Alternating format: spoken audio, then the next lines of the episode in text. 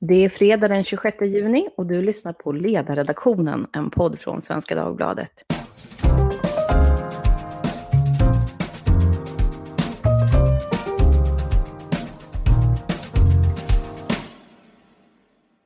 Jag heter Lia Wåhlsten och idag så ska vi prata om opinion och om svensk politik som en liten sommaravslutning inför den ledighet som våra folkvalda snart kommer att gå på trots coronapandemin. Och igår så kom då årets stora samling av somskrifter. I en bok med titeln Regntunga skyar avhandlar forskare i 30 kapitel allt från klimatopinion till pandemirädsla med avstamp i SOM-undersökningen för 2019. Och då är frågan var Sverige befinner sig just nu. Och eftersom det här är den sista undersökningen som presenteras för 10-talet så tänkte jag att vi också ska prata lite grann om vad det är som har hänt under det här decenniet egentligen. Med mig har jag helt rätt personer för uppdraget. Vi säger hej till Henrik Ekengren Oskarsson, professor i statsvetenskap inriktning mot valforskning vid Göteborgs universitet. Hallå! Hej hej! Med oss har vi också Erik Westin, doktor i statsvetenskap, som har skrivit avhandlingen The Decline of Class Voting in Sweden mellan 1968 och 2014. Eh, och Erik, du är också aktiv socialdemokrat ska jag säga. Välkommen till dig med. Tackar! Och eh, sist men inte minst så har vi någon som då inte beskriver sig som socialdemokrat för eh, uppfriskningens skull. Karin Svanberg Sjövall, eh, den person som har lett den marknadsliberala tankesmedjan Timbro under nästan hela det här årtiondet. Som faktiskt gör sin absolut sista dag då på vd-posten på måndag. Så det här blir en fin decenniekrönika för dig, Karin. Välkommen! Tack så hemskt mycket! Min första fråga, jag tänkte jag skulle vara lite allmän och den låter så här. Att ni blundar och tänker att ni står på farstutrappen med en kopp nybryggt kaffe. Det är sommaren 1999. Och eh, då tänkte jag att eh, om ni ser tillbaka nu på det här decenniet, vad är det för politiskt i svensk politik som har varit mest intressant? Henrik? Ja, du tänker på 10-talet, gissar jag. Mm. Hur, hur vi kommer minnas 10-talet. Ja, det är ju en, eh, det är en svår fråga att säga, peka på någonting, men eh, jag skulle ändå lyfta fram eh, några av de strukturella förändringar som vi ser väldigt tydligt i våra undersökningar. Och det är ju någon slags backlash till en väldigt lång period av attitydmässig förskjutning i svenska väljarkåren som, som har att göra med en lång trend som har med ökade positiv inställning till mångkultur, flyktingmottagning, hbtq-rättigheter, internationalism och globalisering och sånt. Det tog ju slut eh, någon, någonstans mellan 2014 och 2018 års val så ser vi en väldigt tydlig backlash där. där det är mer av konservativa värden om du så vill, eh, mer av traditionalism. Eh, nu är det plötsligt värden som familjens ställning och lag och ordning och eh, den här typen av eh, saker som, som tar över. Så att en lång, lång obruten riktning mot ökad tolerans, ökad, liber, ja, ökad, ökad globaliseringsattityder, positiva sådana som, som bryts. Det har ju att göra med en växande konflikt som vi ibland kallar för den kulturella värderingsdimensionen som då plötsligt, väldigt sent i Sverige, blev väldigt, väldigt viktig. Och det har ju då lett in i kanske det som är den andra stora saken vi kommer komma ihåg från 2010-talet. Det är väl att vår, vår klassiska blockpolitik inte längre finns och vi har helt andra mekanismer i det svenska politiska livet som har med vår parlamentarism att göra. Att eh, från och med nu så är det inte lika tydliga laguppställningar längre. Jag tänkte att vi ska prata om det. Men eh, Karin, vad säger du? Är det kulturkriget och den spruckna blockpolitiken som kommer att vara 10-talets minne? Ja, det är väl liksom det huvudsakliga legacyt. Men det går ju inte att komma ifrån ändå att flyktingkrisen som enskild händelse eh, var väl det som blev absolut mest definierande. Men jag skulle ändå vilja göra en, en liten invändning från det som Henrik sa. För att det är ju delvis sant, men det som jag tycker är intressant är att det är inte riktigt så entydigt. För att i en del värderingar har ju människor faktiskt blivit allt mer liberala. Alltså det som har att göra med kanske den, liksom, det privata. Alltså, om man tittar på abort, hbtq-rättigheter, surrogatmödraskap, den typen av frågor. Där har ju den svenska befolkningen i sin helhet faktiskt blivit mer liberala. Samtidigt som man har blivit mer restriktiva kring eh, tiggeri, kring invandring, eh, lag och ordning och så. Så det är ju en, det är inte en entydig riktning utan det kanske snarare liksom positionsförflyttningar i en del ganska viktiga sakfrågor. Men ser du då som att den här konservativa vågen egentligen inte är så mycket en konservativ våg som att det handlar om ett invandringsmotstånd? Jag tror att invandringsmotståndet är, är, är huvudförklaringen men sen så har ju det i sig fört med sig en del värderingsförskjutningar i i andra delar också. Men jag tror att, att det som kommer beskrivas som en systemchock i sig nog ändå i grund och botten handlade om mängden människor som, som kom. Som också har påverkat attityder kring sånt som har att göra med, med trygghet i någon, någon annan, liksom lite bredare bemärkelse. Erik, vad ser du som eh, i talets minne? Ja, jag är nog egentligen på ett sätt bara benägen att instämma i att det är, jag skulle väl formulera det mer som att ja, det är Sverigedemokraternas uppdykande på den politiska scenen och, eh, och allt vad det har fört med sig som överhuvudtaget har varit det som har präglat eh, ja, väldigt mycket av eh, den svenska politiken, i, eh, både när, när det gäller sen, allt vad gäller både policy och vad gäller samarbetsmöjligheter och, så, och sånt. Va? Eh, men sen skulle jag väl, för att försöka vara lite originell, så tänkte jag att jag skulle vilja lyfta någonting som eh, kanske kan komma att bli betydelsefullt lite längre fram och som jag tror verkar ha påbörjats lite och det är, eh, det är en, allt mer av en politisering av den svenska förvaltningen. Eh, som eh, väl har, det, delvis är kopplat till det här därför att ja, Sverigedemokraterna är ett parti som har på många sätt skeptisk inställning till stora delar av den svenska förvaltningsapparaten. Man upplever att man har den emot sig, men också för att det har, det har blivit mer uppenbart i takt med att, eh, att regeringsskiften har blivit vanligare. Att, att eh, min, eh, före doktor, min före detta doktorandkollega Mikael Holmgren skrev en avhandling just som visade att, att mycket av sånt här som utnämningar av myndighetschefer, av nedläggningar och eh, uppstartning av myndigheter och eh, till och med sånt som hur man fördelar anslag och sånt där. Det, det, det finns eh, partipolitiska aspekter i det. Och det är inte otänkbart, tycker, eller det, det tycks mig rimligt att tro att en sån trend kan komma att fortsätta nu under 20-talet och prägla nog ganska mycket av vad politiken kan och inte kan göra. Och det är ju faktiskt också ett av kapitlen då i den här antologin som eh, Henrik har varit författare till, som handlar just om att det verkar vara så att eh, institutioner får mer av partipolitisk koppling. bland annat då förtroendet för medier som exempelvis public service. Men vi måste gå vidare. För att eh, den här SOM-undersökningen, den senaste, visar ju att svenskarna är mer pessimistiska än någonsin. Det är 61 procent som tycker att utvecklingen går åt fel håll, 30 procent är missnöjda med svensk demokrati. Och det är personer som står klart åt höger, lågutbildade och som bor på landsbygden som är mest skeptiska. Medan eh, högutbildade traditionellt då har eh, betydligt högre tillit och sådär. Eh, jag tänkte höra hur ni förklarar pessimismen. Handlar det bara om invandring, Henrik? Nej, det gör det nog inte. Det gör det nog faktiskt inte överhuvudtaget, utan när vi utvecklade det här måttet och började pröva det i Sverige en gång i tiden. Eh, frågan gäller ju bara, Tycker du att utvecklingen går åt rätt håll eller fel håll? En väldigt, väldigt allmän fråga.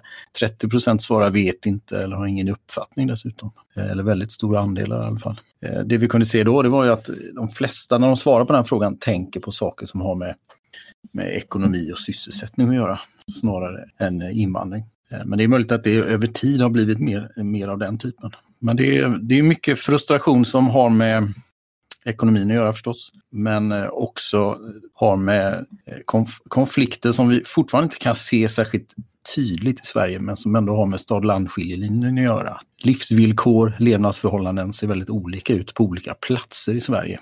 Inom våra storstäder, men också eh, skillnad mellan storstäderna och rena landsbygden. Och det brukar ju synas framförallt i sådana här symbolfrågor som vargjakt och vindkraft och sådär. Eh, och även i viss mån attityder till EU. Så det, det, finns den typen av saker som styr den här typen av, av värderingar. Sen vet vi att ställer man en fråga på det där sättet så är ju folk i huvudsak benägna att tycka att eh, samhället inte går i den riktning som man själv tycker. Så det, det, är väldigt lätt att svara nej på frågan om, om man tycker Sverige går åt rätt håll eller fel håll. Så att det finns en sån inbyggd skevhet i det. Eh, svenskarna är inte så nöjda helt enkelt. Men det beror på att det finns väldigt, väldigt många viljor också. Det verkar också vara ganska kopplat till liksom, den parlamentariska situationen. Om man läser igenom antologin så handlar det en hel del om liksom, eh, balansen i riksdagen och hur man upplever då att egna rösten får genomslag när allianser byggs på lite nya sätt. Men det där kopplar egentligen till min andra fråga, för det är frågan om den här pessimismen då är dålig. Man säger att det är mer pessimism än någonsin tidigare, men vad betyder det där egentligen? Karin, är det verkligen dåligt att folk är skeptiska? Nej, men det är väl både och kan jag tycka. Alltså, så här, den här diskussionen om elitkritiken kan jag ibland tycka är lite onyanserad. Att man säger att ja, men det är ett jättestort problem att människors förtroende för politiska makthavare minskar och att man kopplar det till liksom, systemet i sin helhet. Alltså det finns ju något lite sunt också i att människor tänker själva och att man inte liksom låter sig ledas helt okritiskt, även om just kanske coronakrisen inte är något bra exempel på just det. Um, men det är klart att det i grund och botten inte är, är positivt ifall det sprids en känsla av att allt går åt helvete därför att det påverkar förstås attityder till förändring eh, generellt sett. Och det får ju politiska återverkningar, lite beroende på var man står. Jag som liberal blir ju bekymrad över det därför att det föder ju också en efterfrågan på, på, på kontroll, eh, på större stat, på liksom, ordning och reda, förutsägbarhet och sådär. Eh, som ju inte tror jag gynnar människor som är individualister i sin helhet. Och jag tror också att det för ett samhälle ändå i grund och botten är, är ganska viktigt att det finns någon gemensam känsla av att det finns förutsättningar att förbättra sina livsvillkor och att det liksom är värt att investera i sin framtid. Oavsett egentligen om man är privatperson eller om man är företag. Så i den bemärkelsen så, så är det ju förstås inte bra. Håller du med om det här Erik? Eller? Ja, vad ska jag säga? Det, det, min bild av den här frågan är att den är väldigt mycket en avspegling av hur mycket man gillar den sittande regeringen. Om man tittar lite längre tillbaka i SOM-undersökningen också, så när den här frågan ställdes första gången, jag tror det var 2012, Eh, Eh, då var det övervägande de som sade sig stå till vänster som tyckte att landet var på väg åt fel håll. Och sen så ändrades det där någon gång just i skiftet 2014-2015. Sen har ju det, och de här tendenserna har möjligtvis stärkts efter då januariöverenskommelsen då de partier som faktiskt ingår i regeringen har ett ännu mindre underlag att stödja sig på. Det, dessutom finns många inom den här regerande koalitionen som inte riktigt gillar att vara där. Eh, så att eh, ja, nej, jag, jag, jag har svårt att se det här som ett, ett eh, stort problem i sig. Jag, jag tror inte vi vet så mycket om det än. Möjligt att, Hen, möjligen att Henrik vet mer där. Om, om den här svaren på den här frågan har några beteende eh, konsekvenser för folks politiska beteende längre fram. Eh, det verkar inte, det, det, är ju inte så att folk har vänt systemet ryggen. Valdeltagandet eh, har snarare gått upp på senare tid och så. så att, nej, jag tror inte det, det finns några stora problem här egentligen. Det var ju väldigt betryggande. Då går vi ut ur det frågeklustret och eh, då tänkte jag att du här nu ska få beskriva en del i den här antologin som handlar om Greta Thunberg. Du har ju skrivit inte mindre, jag tror att det är fyra kapitel i boken och eh, referens på nästan varje sida, men en detalj får man säga som jag fastnade för då, att man inte kan se så mycket av en Greta-effekt i attityden till miljöpolitik bland det svenska folket.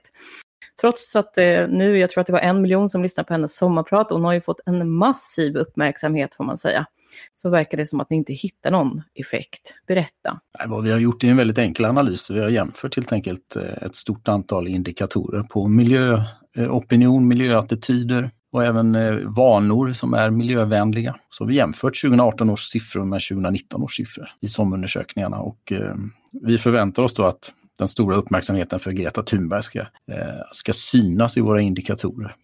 Och visst, det gör det. Alltså alla indikatorer rör sig i förväntad riktning men inte alls eh, så mycket så att de är statistiskt säkerställda. Utan det är, bara, det är egentligen bara eh, när man tittar på väljarnas dagordning då så ser man att miljöfrågorna står mycket högre upp på dagordningen eh, som en följd av uppmärksamheten kring Greta Thunberg och allt som hände under 2018 framför allt. Eller 2019 snarare, sommaren 2019 och FN-talet i september och så vidare. Eh, så att eh, förvånansvärt få då effekter på saker som miljö, allmän miljöoro och eh, vanor, vanor som att äta mindre kött och sådana grejer. Man, så att det är väl, om det finns en Greta-effekt så kan den ju vara mer långsiktig i så fall. Ja, för jag funderade på vad kan det här bero på? En sån sak är ju att miljöfrågan ändå har blivit... De flesta har ju tvingats ta ställning till det. Man kan ju kanske likna det lite grann med kärnkraft, tänker jag. Så att den här opinionen har börjat sätta sig så pass mycket att det sker inte stora svängningar på kort tid, trots att man får skaka hand med påven. Vad tror du om det? Ja, jag vet inte. Det kan också vara en effekt just i Sverige också. Att, eh, är, det någon, är det någon plats där Greta Thunberg inte har fått några effekter det, det, så kanske det är då just i Sverige. Det här med att man inte kan bli profet i sitt eget hemland och i, i, lite grann det här att ingen ska, ingen ska få växa sig till himlen. Va? Jantelagen helt enkelt. Sen måste man komma ihåg att SOM-undersökningarna, där, där ingår ju människor från 16 år uppåt. Och eh, vi vet ju, vi har inte kunnat göra motsvarande undersökning i, i eh, yngre åldersgrupper. Men vad vi kan konstatera är att det är heller inga gigantiska eh, särskilt utmärkande effekter bland till exempel unga kvinnor i, som är då 16, 17, 18, 19 år som är, ligger så nära vi, vi kan komma då eh, Gretas egen ålder i. Utan eh, där går det inte att se några särskilt, något särskilt lyft när det gäller de här miljöindikatorerna heller. Men det är möjligt att eh, om vi hade studerat personer som är i Gretas egen ålder här i Sverige så hade vi kunnat se ännu större effekter. Men det kan vi inte göra. Eh, ja, för att sammanfatta då så finns det ingen signifikant ökning mellan 2018 och 2019 i andelen svenskar som är oroliga för jordens klimat. Och det är inte heller fler då som vill höja bensinskatten. Och Karin, jag, när jag läste det här så blev man ju kanske lite förvånad ändå. Då tänkte jag höra, du jobbar ju med opinionsbildning, är inte väldigt deppigt det här? Att eh, trots att man har sånt massivt genomslag, är det bara på marginalen som man kan påverka opinionen. Varför jobbar du med det du gör? ja, det kan man fråga sig. Alltså, så här, jag kan ju inte säga att jag tycker att det är just det här enskilda fallet att det är så himla deppigt givet vilka lösningar som hon företräder kring tillväxthat och demokratikritik och Eh, en hel del annat, eh, så jag är kanske inte jätteledsen över det begränsade genomslaget. Men alltså rent, jag tror att en del av förklaringen är nog att det dels har blivit så mycket politiskt allmängods att, eh, så att säga, bry sig om miljön, att det nästan har blivit lite apolitiskt. Eh, vilket ju också hänger ihop med att det har blivit så mycket av en livsstilsfråga, tror jag, rent kulturellt. Alltså det här med flygskam, vad man äter ehm, och sådär. Så, så det, det, är liksom har väldigt länge varit ett starkt fokus på vad man som privatperson kan göra och det har liksom inte beskrivits eller politiserats som en systemfråga riktigt på samma sätt som, som ganska många andra. Men sen är det ju också ett, liksom ett all opinionsbildning är ju ett långdistanslopp. Och jag menar, miljörörelsen har ju kämpat på ganska länge. Eh, och tittar man globalt sett så får man ändå säga att det har varit någon typ av, av genombrott de senaste två åren. Att det här har blivit en, en hållpunkt i all politik som det liksom inte riktigt går att, att svära sig fri ifrån, i alla fall som politisk spelare. Så att i den bemärkelsen så tycker jag nog inte att man kan säga att det har varit ett, ett misslyckande eh, alls egentligen. Men en sak som är intressant då, apropå att Greta då kanske inte haft sån jättestor effekt, det är att vi ändå har sett en ganska stor effekt av det här decenniet när det kommer till attityden till kärnkraft som har blivit allt mer politiserad mellan höger och vänster och det här skriver Sören Holmberg om. Och då är det så att andelen som vill avveckla kärnkraften, den har minskat från 6 av 10 2017 till bara 4 av 10 nu 2019. Och då skriver Sören Holmberg att det kan bero på då att KD har varit väldigt tydliga på den här punkten. Så det går ju tydligen då att eh, förändra eh, även sådana här frågor som har legat väldigt stabilt över tid. Och med det så tänkte jag att vi ska prata om eh, dig Erik och det kapitel som du har skrivit. Du skriver ju om då förtroendet för de politiska partierna och eh, svenskarna frågas då på en 11-gradig skala vad de tycker om partierna. Hur mycket man gillar dem. Och eh, de största förändringarna verkar vara att Moderaterna och Sverigedemokraterna har blivit mindre avskydda över tid. Det är inte så att Socialdemokraterna har blivit så mycket mer eh, illa omtyckta, utan det är att de har fått konkurrens. Men hur förklarar du det där? Ja, när det gäller Moderaterna så grubblar jag nog fortfarande en del över det. Det här är ju alltså en trend som både föregår Fredrik Reinfeldts tid och även tycks fortsätta efter honom. Och när man delar upp den här trenden i lite olika sociala grupper så ser man att det är främst inom arbetarklassen som den här avskyn för Moderaterna minskat. Ja, det var ju där den, främst där den fanns från början.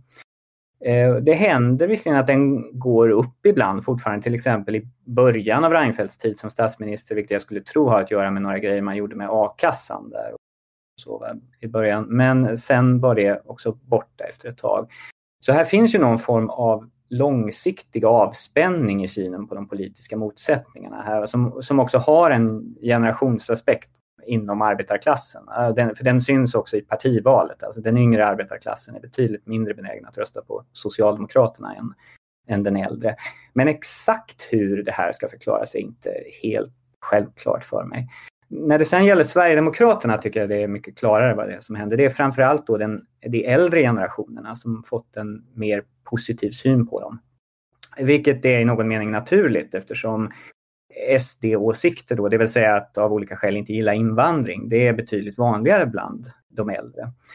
Eh, och det här är för övrigt också ett mönster man kan se i partivalet. Henrik skrev en liten rapport för några år sedan där han visade att Sverigedemokraterna först när Sverigedemokraterna först började växa så hade de företrädesvis yngre väljare. I valet 2014 däremot så hade de en väljarkår som var helt proportionerlig mot befolkningens ålder. Eh, och jag har inte sett några siffror för 2018 men jag skulle inte bli förvånad om deras väljare numera är en smula äldre än väljarna i allmänhet. Eh, och jag tolkar detta som ett exempel på att yngre väljare är snabbare med att anamma politiska nyheter. Eh, även om det var färre i den yngre generationen som inte gillade invandring så var det ändå bland de yngre som var, man var snabbast med att välja SD och sen har de äldre kommit dit så småningom. Och sen, man kan rent av fundera på om det skett någon form av socialisering underifrån här. Eh, det vill säga att det, det, är barn och barnbarn som har sett till att fler äldre har eh, fått upp ögonen för Sverigedemokraterna. Så att säga. Men det är mer spekulation än så länge. Intressant. Men det här är ju ett mönster då man kan se gå igen i flera länder, inte bara Sverige, så att högerpartierna börjar attrahera tidigare arbetarklassröster. Vad beror det på, Henrik? Alltså det, när det gäller Sverigedemokraterna i Sverige så är det ju inte riktigt den storyn som, eh, alltså det är en väldigt stor eh, fokus hela tiden på alla arbetarväljare som Sverigedemokraterna har tagit. Men går man in och tittar mer ordentligt på det så är det ju framförallt i början, i, precis efter millennieskiftet, i valen 2002-2006, eh, som det är väldigt, väldigt tydligt så att man rekryterar i huvudsak unga, arga män från arbetarrörelsens eh, normala domäner om man säger så. I de två senare valen så har det varit jämnt skägg eller till och med betydligt fler, särskilt nu sist, betydligt fler väljare som kommer från småföretagare som tidigare stött Moderaterna. Det är mycket större väljarströmmar där. Så att eh, jag blir lite, blir lite trött på alla de här diskussionerna om Sverigedemokraterna och arbetarväljarna. Man pratar aldrig om Sverigedemokraterna och småföretagarna. För det är ju det som, det är, det som är Sverigedemokraternas stora framgång, att man har lyckats såra Socialdemokraterna och Moderaterna eh, i sina kärnväljare. I Socialdemokraternas fall är det arbetarna, i Moderaternas fall är det eh, småföretagare. Vissa ser ju nu eh, coronapandemin då som en game changer. Jag tänkte att vi ska komma in på det. Eh, men Erik, en sak som du skriver då, det är att Socialdemokraterna ändå är det parti som flest människor har älskat över tid. Det tyckte jag var väldigt skrivet. Men det här har minskat under 90-talet. Men en sån här sak eh, som jag tänkte att du kunde få utveckla är hur förtroendet för Centerpartierna och Liberalerna har påverkats nu av eh, januariavtalet. Ja, det är lite intressant. Det, det, för det, det, har ju, det har ju gått ner lite grann då från 2018 till 2019 års mätning och det, och det verkar väl rimligt att, eh, att tillskriva det just till ingåendet av januariavtalet. Men sen får vi väl se i vidare mätningar, tänker jag, hur det håller i sig. För Eh, en sak som man kan tänka sig är då att eh, andra människor nu börjar gilla de här partierna istället. Jag tittade till exempel på hur det har sett ut historiskt över tid. Det här med att eh, å ena sidan hur man gillar Centerpartiet och det andra hur man, hur man gillar Socialdemokraterna. Och fann att det har gått ganska mycket upp och ner. Va? Ibland så har det här att gilla Socialdemokraterna hängt ihop med att eh, ogilla Centerpartiet och har, ibland har det hängt ihop med att gilla dem. Och det samvarierar ganska perfekt med om de samarbetar eller inte, de här partierna. Eh, så att eh, vi får väl se. Det. Centerpartiet kanske eh, kan kompensera detta med fler, att fler människor som gillar Socialdemokraterna eh, gillar dem eller inte. Va? Men, men visst, på, på, kort sikt så verkar det onekligen finnas en, en effekt av, eh, av januariavtalet där. Ja. Henrik, jag minns att du var med i en annan podd, Det politiska spelet, och då pratade du lite grann om det nya väljarlandskapet. Och jag minns det som att det var väldigt dramatiska ord. Jag tror att det handlade om kontinentalplattor som rör sig då. Och många säger ju att Centerpartiet har fått en väljarkår som står betydligt mer till vänster än vad egentligen partiledningen gör. Då pratade du också om att det, det har blivit en ny klyfta i svensk politik efter den här regeringsbildningen och att vi har fått ett nytt eh, vi ska ju inte säga konservativt block då, men någonting åt det hållet på den kanten. Eh, hur ser det ut idag? Och I närtid så är det ju, eh, det är ju nästan all dramatik, eh, både parlamentariskt men även på väljarmarknaden, sker ju till höger. Och inom den internationella väljarforskningen så kallas ju detta för the battle of the soul of the right alltså kampen om högens själ. Och det som tidigare då var, eh, tidigare kunde man ju i Sverige gå omkring och kalla sig för liberalkonservativ, i alla fall ville Moderaterna göra det under lång tid. Nu är det mycket svårare att hålla ihop eh, borgerligheten och det finns inte samma samling där. Så att, eh, det är en väldigt, väldigt tydlig eh, skillnad eh, och eh, ny dimension som splittrar borgerligheten mellan partier som Centerpartiet och Liberalerna å ena sidan och Kristdemokraterna och Moderaterna de här allianskamraterna står längre ifrån varandra nu än vad de har gjort på 15 år. Eh, och det syns i väljarnas uppfattningar om var partierna står i vänster-höger. Här är väljarna väldigt, väldigt med på noterna om vad som händer. Blir det nya samarbeten så reagerar man direkt på det.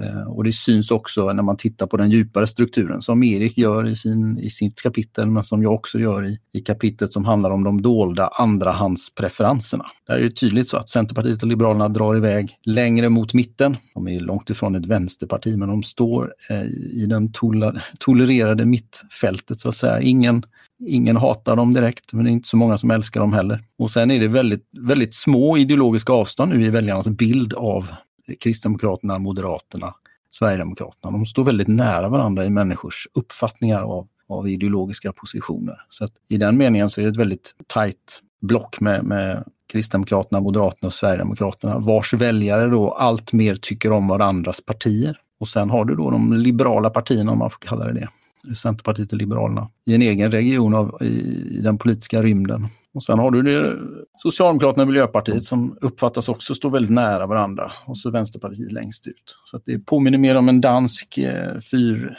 fyrblockssituation snarare än eh, den treblockssituation som vi hade tidigare. Men eh, Liberalernas eh, väljare verkar ju definiera sig själva som borgerliga, men de likställer då inte det med det här eh, SDM-gänget eh, då? Tänker du? Alla, all, all väljarrörlighet som vi ser mellan 14 och 18 års val och även efteråt eh, tyder ju på att det är, eh, Moderaterna tappar ju väljare åt två håll här. De tappar väljare framförallt till Centerpartiet på migrationsfrågorna och de tappar väljare till Sverigedemokraterna på migrationsfrågorna.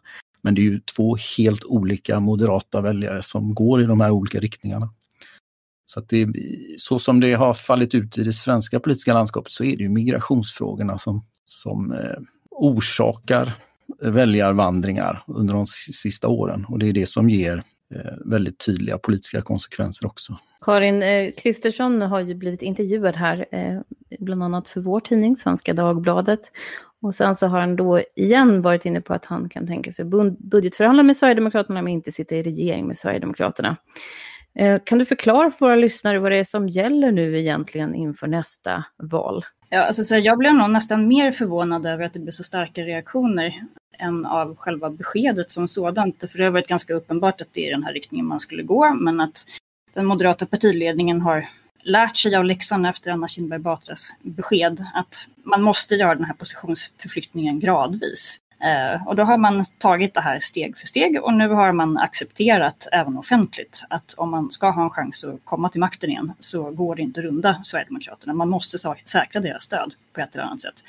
Man vill liksom inte hamna i en situation igen som den nuvarande regeringen har gjort, att man, eh, man ska bli vald och sen så faller det på ett budgetsamarbete, utan man måste säkra detta i god tid före valet. Och då kan man också börja förankra en del av de kompromisser som sannolikt kommer att bli nödvändiga. Eh, och där är ju just alltså den här migrationskommittén som håller på att jobba just nu väldigt intressant. Eh, därför att den frågan är ju den som på sätt måste lösas ut. Samtidigt som jag inte riktigt kan se hur den ska kunna lösas ut. För jag kan inte se att Sverigedemokraterna egentligen något enskilt läge skulle kunna gå med på en sån här eh, bred överenskommelse. För då har de i någon mån förfelat hela sitt existensberättigande i svensk politik. Men i grund och botten så, så är ju det här ett stadfästande ändå av, av det här högerblocket som man har, har varnat för. Um, och tittar man på väljarkåren som sagt så verkar det inte som att ute i opinionen så är det inte så kontroversiellt längre som det var tidigare. Så det är väl ganska logiskt. Relevant är den här uppdelningen mellan att budgetförhandla och att sitta i regering i praktiken? Jag tror att den är viktig, inte minst utifrån Moderaternas eget perspektiv. Eh, men de allra mest migrationskritiska Moderaterna, de har ju redan lämnat. Så att, och de allra mest migrationspositiva har också lämnat. Så att man står kvar med en, en väljarbas som vill ha en restriktiv politik men som inte har liksom samma systemkritiska syn som Sverigedemokraternas väljare har. Så man behöver liksom hitta någon typ av, av kompromissposition, tror jag. Eh, och i det läget så, så, så, tror jag inte, och det tror jag är helt korrekt, så gör man väl bedömningen att den väljarkåren och den potentiella väljarkåren är liksom inte redo att se Sverigedemokraterna som ett så pass rumsrent parti att man kan ta in dem i regering. Däremot så har man ju förankrat eh, förhållningssättet att man i sakfrågor ändå kan komma överens. Och att man kan förhandla med dem precis som man kan med Vänsterpartiet eller andra partier som man i grund och botten tycker ganska illa om eller står i alla fall väldigt långt ifrån politiskt. Eh, utan att kompromissa om det som är liksom kärnvärdena. Här är ju förstås bara spekulationer, men jag tänkte ändå höra Henrik och Erik vad ni tänker om den här migrationsuppgörelsen. Det är väl, får man säga, det största som händer i svensk politik rent sakpolitiskt just nu, förutom corona då. Och eh, ja, det är ju många som tror, precis som Karin, att eh, Sverigedemokraterna antagligen kommer hoppa av för att de har lite att vinna på att eh, gå då i någon sån här stor koalition eh, och komma överens. Men att man måste förstås hitta då en punkt som man kan hoppa av på med trovärdighet. Um, Erik, du skriver att det är det här som är deras USP. Hur tror du att det här kommer påverka? Ja, för, för deras del, jag, jag instämmer i, i det resonemanget. Att, att jag tror de, de har ju haft en... Eh, en eh, det, det, är det här som är deras USP som sagt och de, och de behöver de också skilja ut sig. Då, va? Sen är ju frågan, det, det var ju länge en föreställning, eller det, det är nog många i, i forskarvärlden vet jag som menar att, att den här det här att de andra partierna har rört sig i en mer restriktiv riktning, i, i, i Sverigedemokraternas riktning, kommer då att leda till att eh, Sverigedemokraterna eh, vill ta ytterligare steg och så långt verkar det rätt. Men också då att, att, eh, att folk i allmänhet, alltså deras väljare, kommer att följa med dem och vilja ta ytterligare steg så att säga. Och det, och det är väl någonting som återstår att se och något som jag är lite mer skeptisk till. Alltså det här är ju också en del i nu att Eh, för, för Socialdemokraterna och Moderaterna tänker jag är, är det här en del, eh, viktig del i att eh, eh, fortsätta bygga på sin trovärdighet i att man står för en mer restriktiv politik. Va? Och det kan, det, just den faktorn kan nog, är nog någonting som de bevakar och, och vill hålla, hålla reda på va, också. Eh, men mitt grundtips skulle väl vara att allt det här resulterar nog i att det inte kommer inte sätta några stora direkta avtryck i opinionen, nej. Jag tror inte att Sverigedemokraterna skulle vinna radikalt då på att ställa sig utanför det här. Vi säger att det blir Sverigedemokraterna och Miljöpartiet som står utanför och så har den här järnaxeln återupprättat. De kan inte vinna mycket på det. Nej, alltså det, det är väl det som du säger, de måste ju hitta ett vettigt skäl. till att, som, vilket betyder att, att de, de, kan väl inte framstå som... De, jag, jag, i, I det ligger väl också just att de eh, kan inte ställa vilka krav som helst. Det, det märks också tycker jag i deras formulering av talepunkter. De, jag, jag såg någon annons för dem där de skrev till exempel att, att eh, var den att, att anhöriginvandringen ska begränsas så mycket som möjligt. Alltså de upplever uppenbarligen att de kan inte säga kanske att, de, att det, den ska avskaffas helt. Eller så, va? så att ja, det, det, det, finns väl, de upplever nog ändå en viss, en visst eh, att, att det finns restriktioner gentemot opinionen då, va? Hur, hur långt de kan gå. Det tror jag. Ja eller nej-fråga Henrik. Tjänar Sverigedemokraterna på att stanna kvar i överenskommelsen om migrationen? Ja, på kort sikt kan de väl göra det, men på lite längre sikt så handlar det i svensk politik om att vill, de som vill ha inflytande över förd regeringspolitik, oavsett vilka riksdagsmajoriteter som, som kan bildas i framtiden, så måste man ha ett stort samarbetskapital. Man måste man måste sätta in på samarbetskapitalbanken hela tiden genom att faktiskt eh, ingå avtal, överenskommelser och göra de här jobbiga kompromisserna och sen gå tillbaka till sina egna väljare, sympatisörer och medlemmar och försvara dem. Eh, det kommer vara ett kompromissande, inte bara när det gäller migrationspolitiken utan i stort sett alla områden vi ser här. Skattepolitik, pensioner, infrastruktur, försvar. Eh, det kommer vara kompromissernas parlamentarism och det är de partier som lyckas i utskott och i den här typen av kommittéer bygga samarbetskapital med de andra partierna som kommer gå vinnande ur. Men på kort sikt så är det ju väldigt svårt att se eh, Jimmy Åkesson gå tillbaka till sitt parti och försvara en uppgörelse som innebär att man inte fick som man vill, för det är ju ingen som får. Eh, och en uppgörelse som innebär en, min, en, en mer generös eh, migrationspolitik än den som Eh, Sverigedemokraterna själva står för. Det är väldigt svårt att se det. Jag tror ingen har räknat med att eh, Sverigedemokraterna ska vara med hela vägen. Det skulle förvåna mig väldigt mycket om Sverigedemokraterna just nu tog det steget. Intressant. Och det här med samarbetskapital, det kan ju förklara också varför det går så pass bra för Centerpartiet. Kohandlande parti sedan eh, begynnelsen.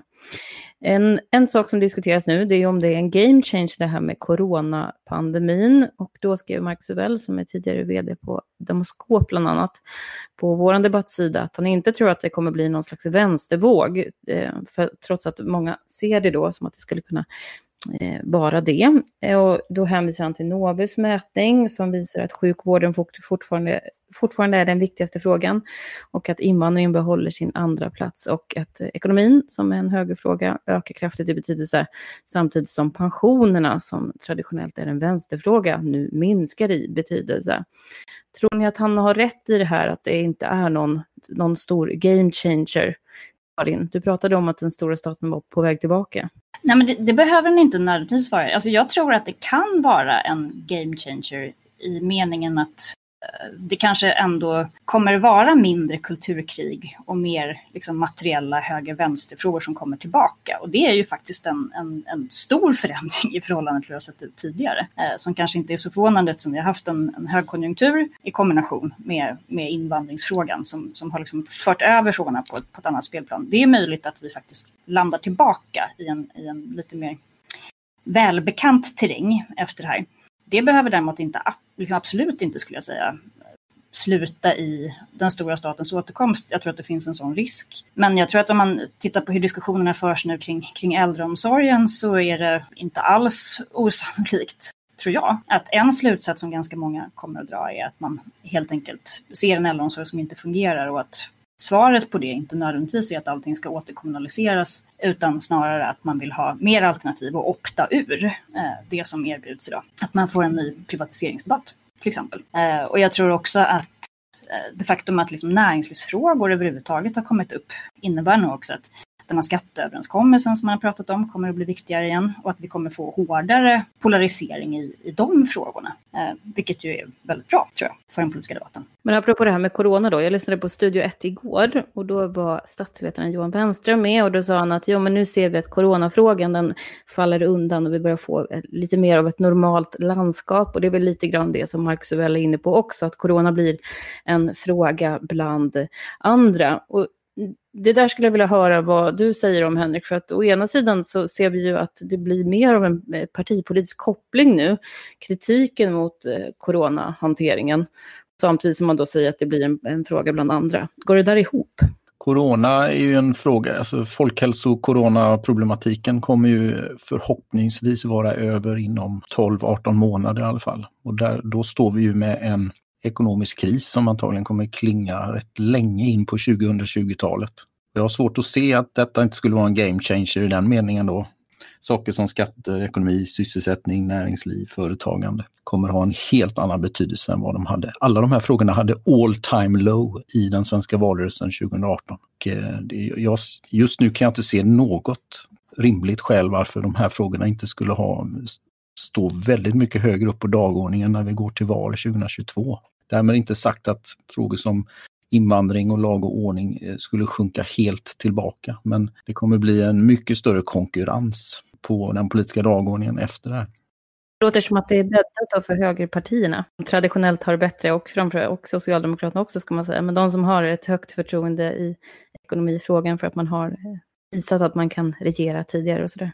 Ja, historien är ju väldigt viktig här. Det finns ju historiska sakfrågeägarskap som är svårt att gå runt eh, Eh, när det gäller till exempel Socialdemokraterna och eh, vård, skola, omsorg. Men antagligen kommer allting handla om förtroende för den ekonomiska politiken.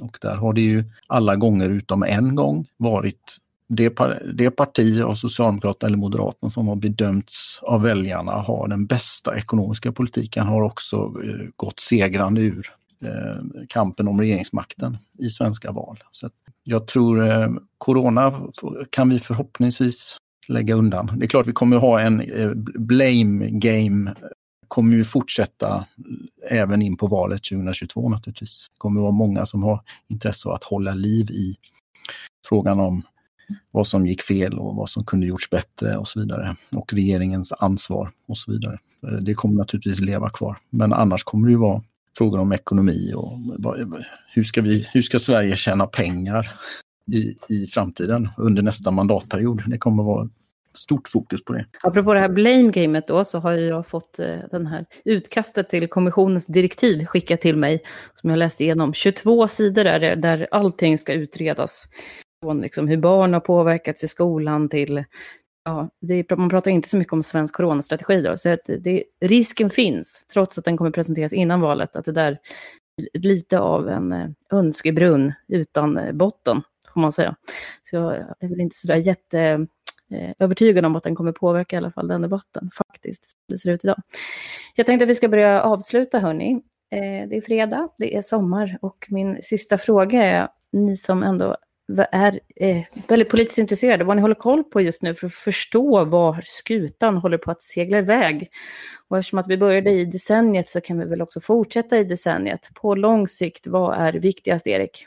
Ja, det, du formulerar som vad är, det, vad, är det man, vad är det jag håller koll på eh, och, Eh, för framtiden. Och, eh, jag, jag, är väldigt inne på det här med generationsmönster. Jag tror de är viktiga att fortsätta att bevaka. Inte minst att vi, vi har lite av någon slags eh, splittring mellan vad vi ser å ena sidan i utvecklingen av, av attityder som ju går där det finns en stark utveckling i det man kan, kan kalla för en gall riktning någonstans eh, med vissa modifikationer, men eh, på det hela taget ändå ditåt. Å andra sidan så går saker ganska mycket i andra riktningen vad gäller partival.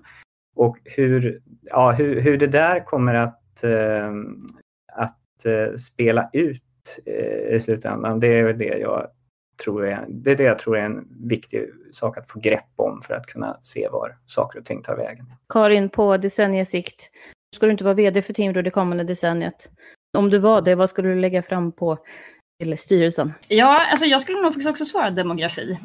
Um, det är ingen som kommer ihåg det längre, men i vintras så var det ganska många inslag på Rapport exempelvis utifrån olika kommuner som då beskrev hur den här demografiska pressen nu verkligen på riktigt börjar bli kännbar. Uh, och jag tror att den här, den här demografiska utvecklingen den har ju varit känd sedan ganska länge. Men att det liksom, offentliga åtagandet börjar bli ganska pressat på många olika håll. Det har ju varit, det har verkligen börjat kännas nu. Om vi då lägger på en ekonomisk recession och en integrationsskuld på detta så, så tror jag att det här är någonting som kommer att bli en riktig konflikt framöver.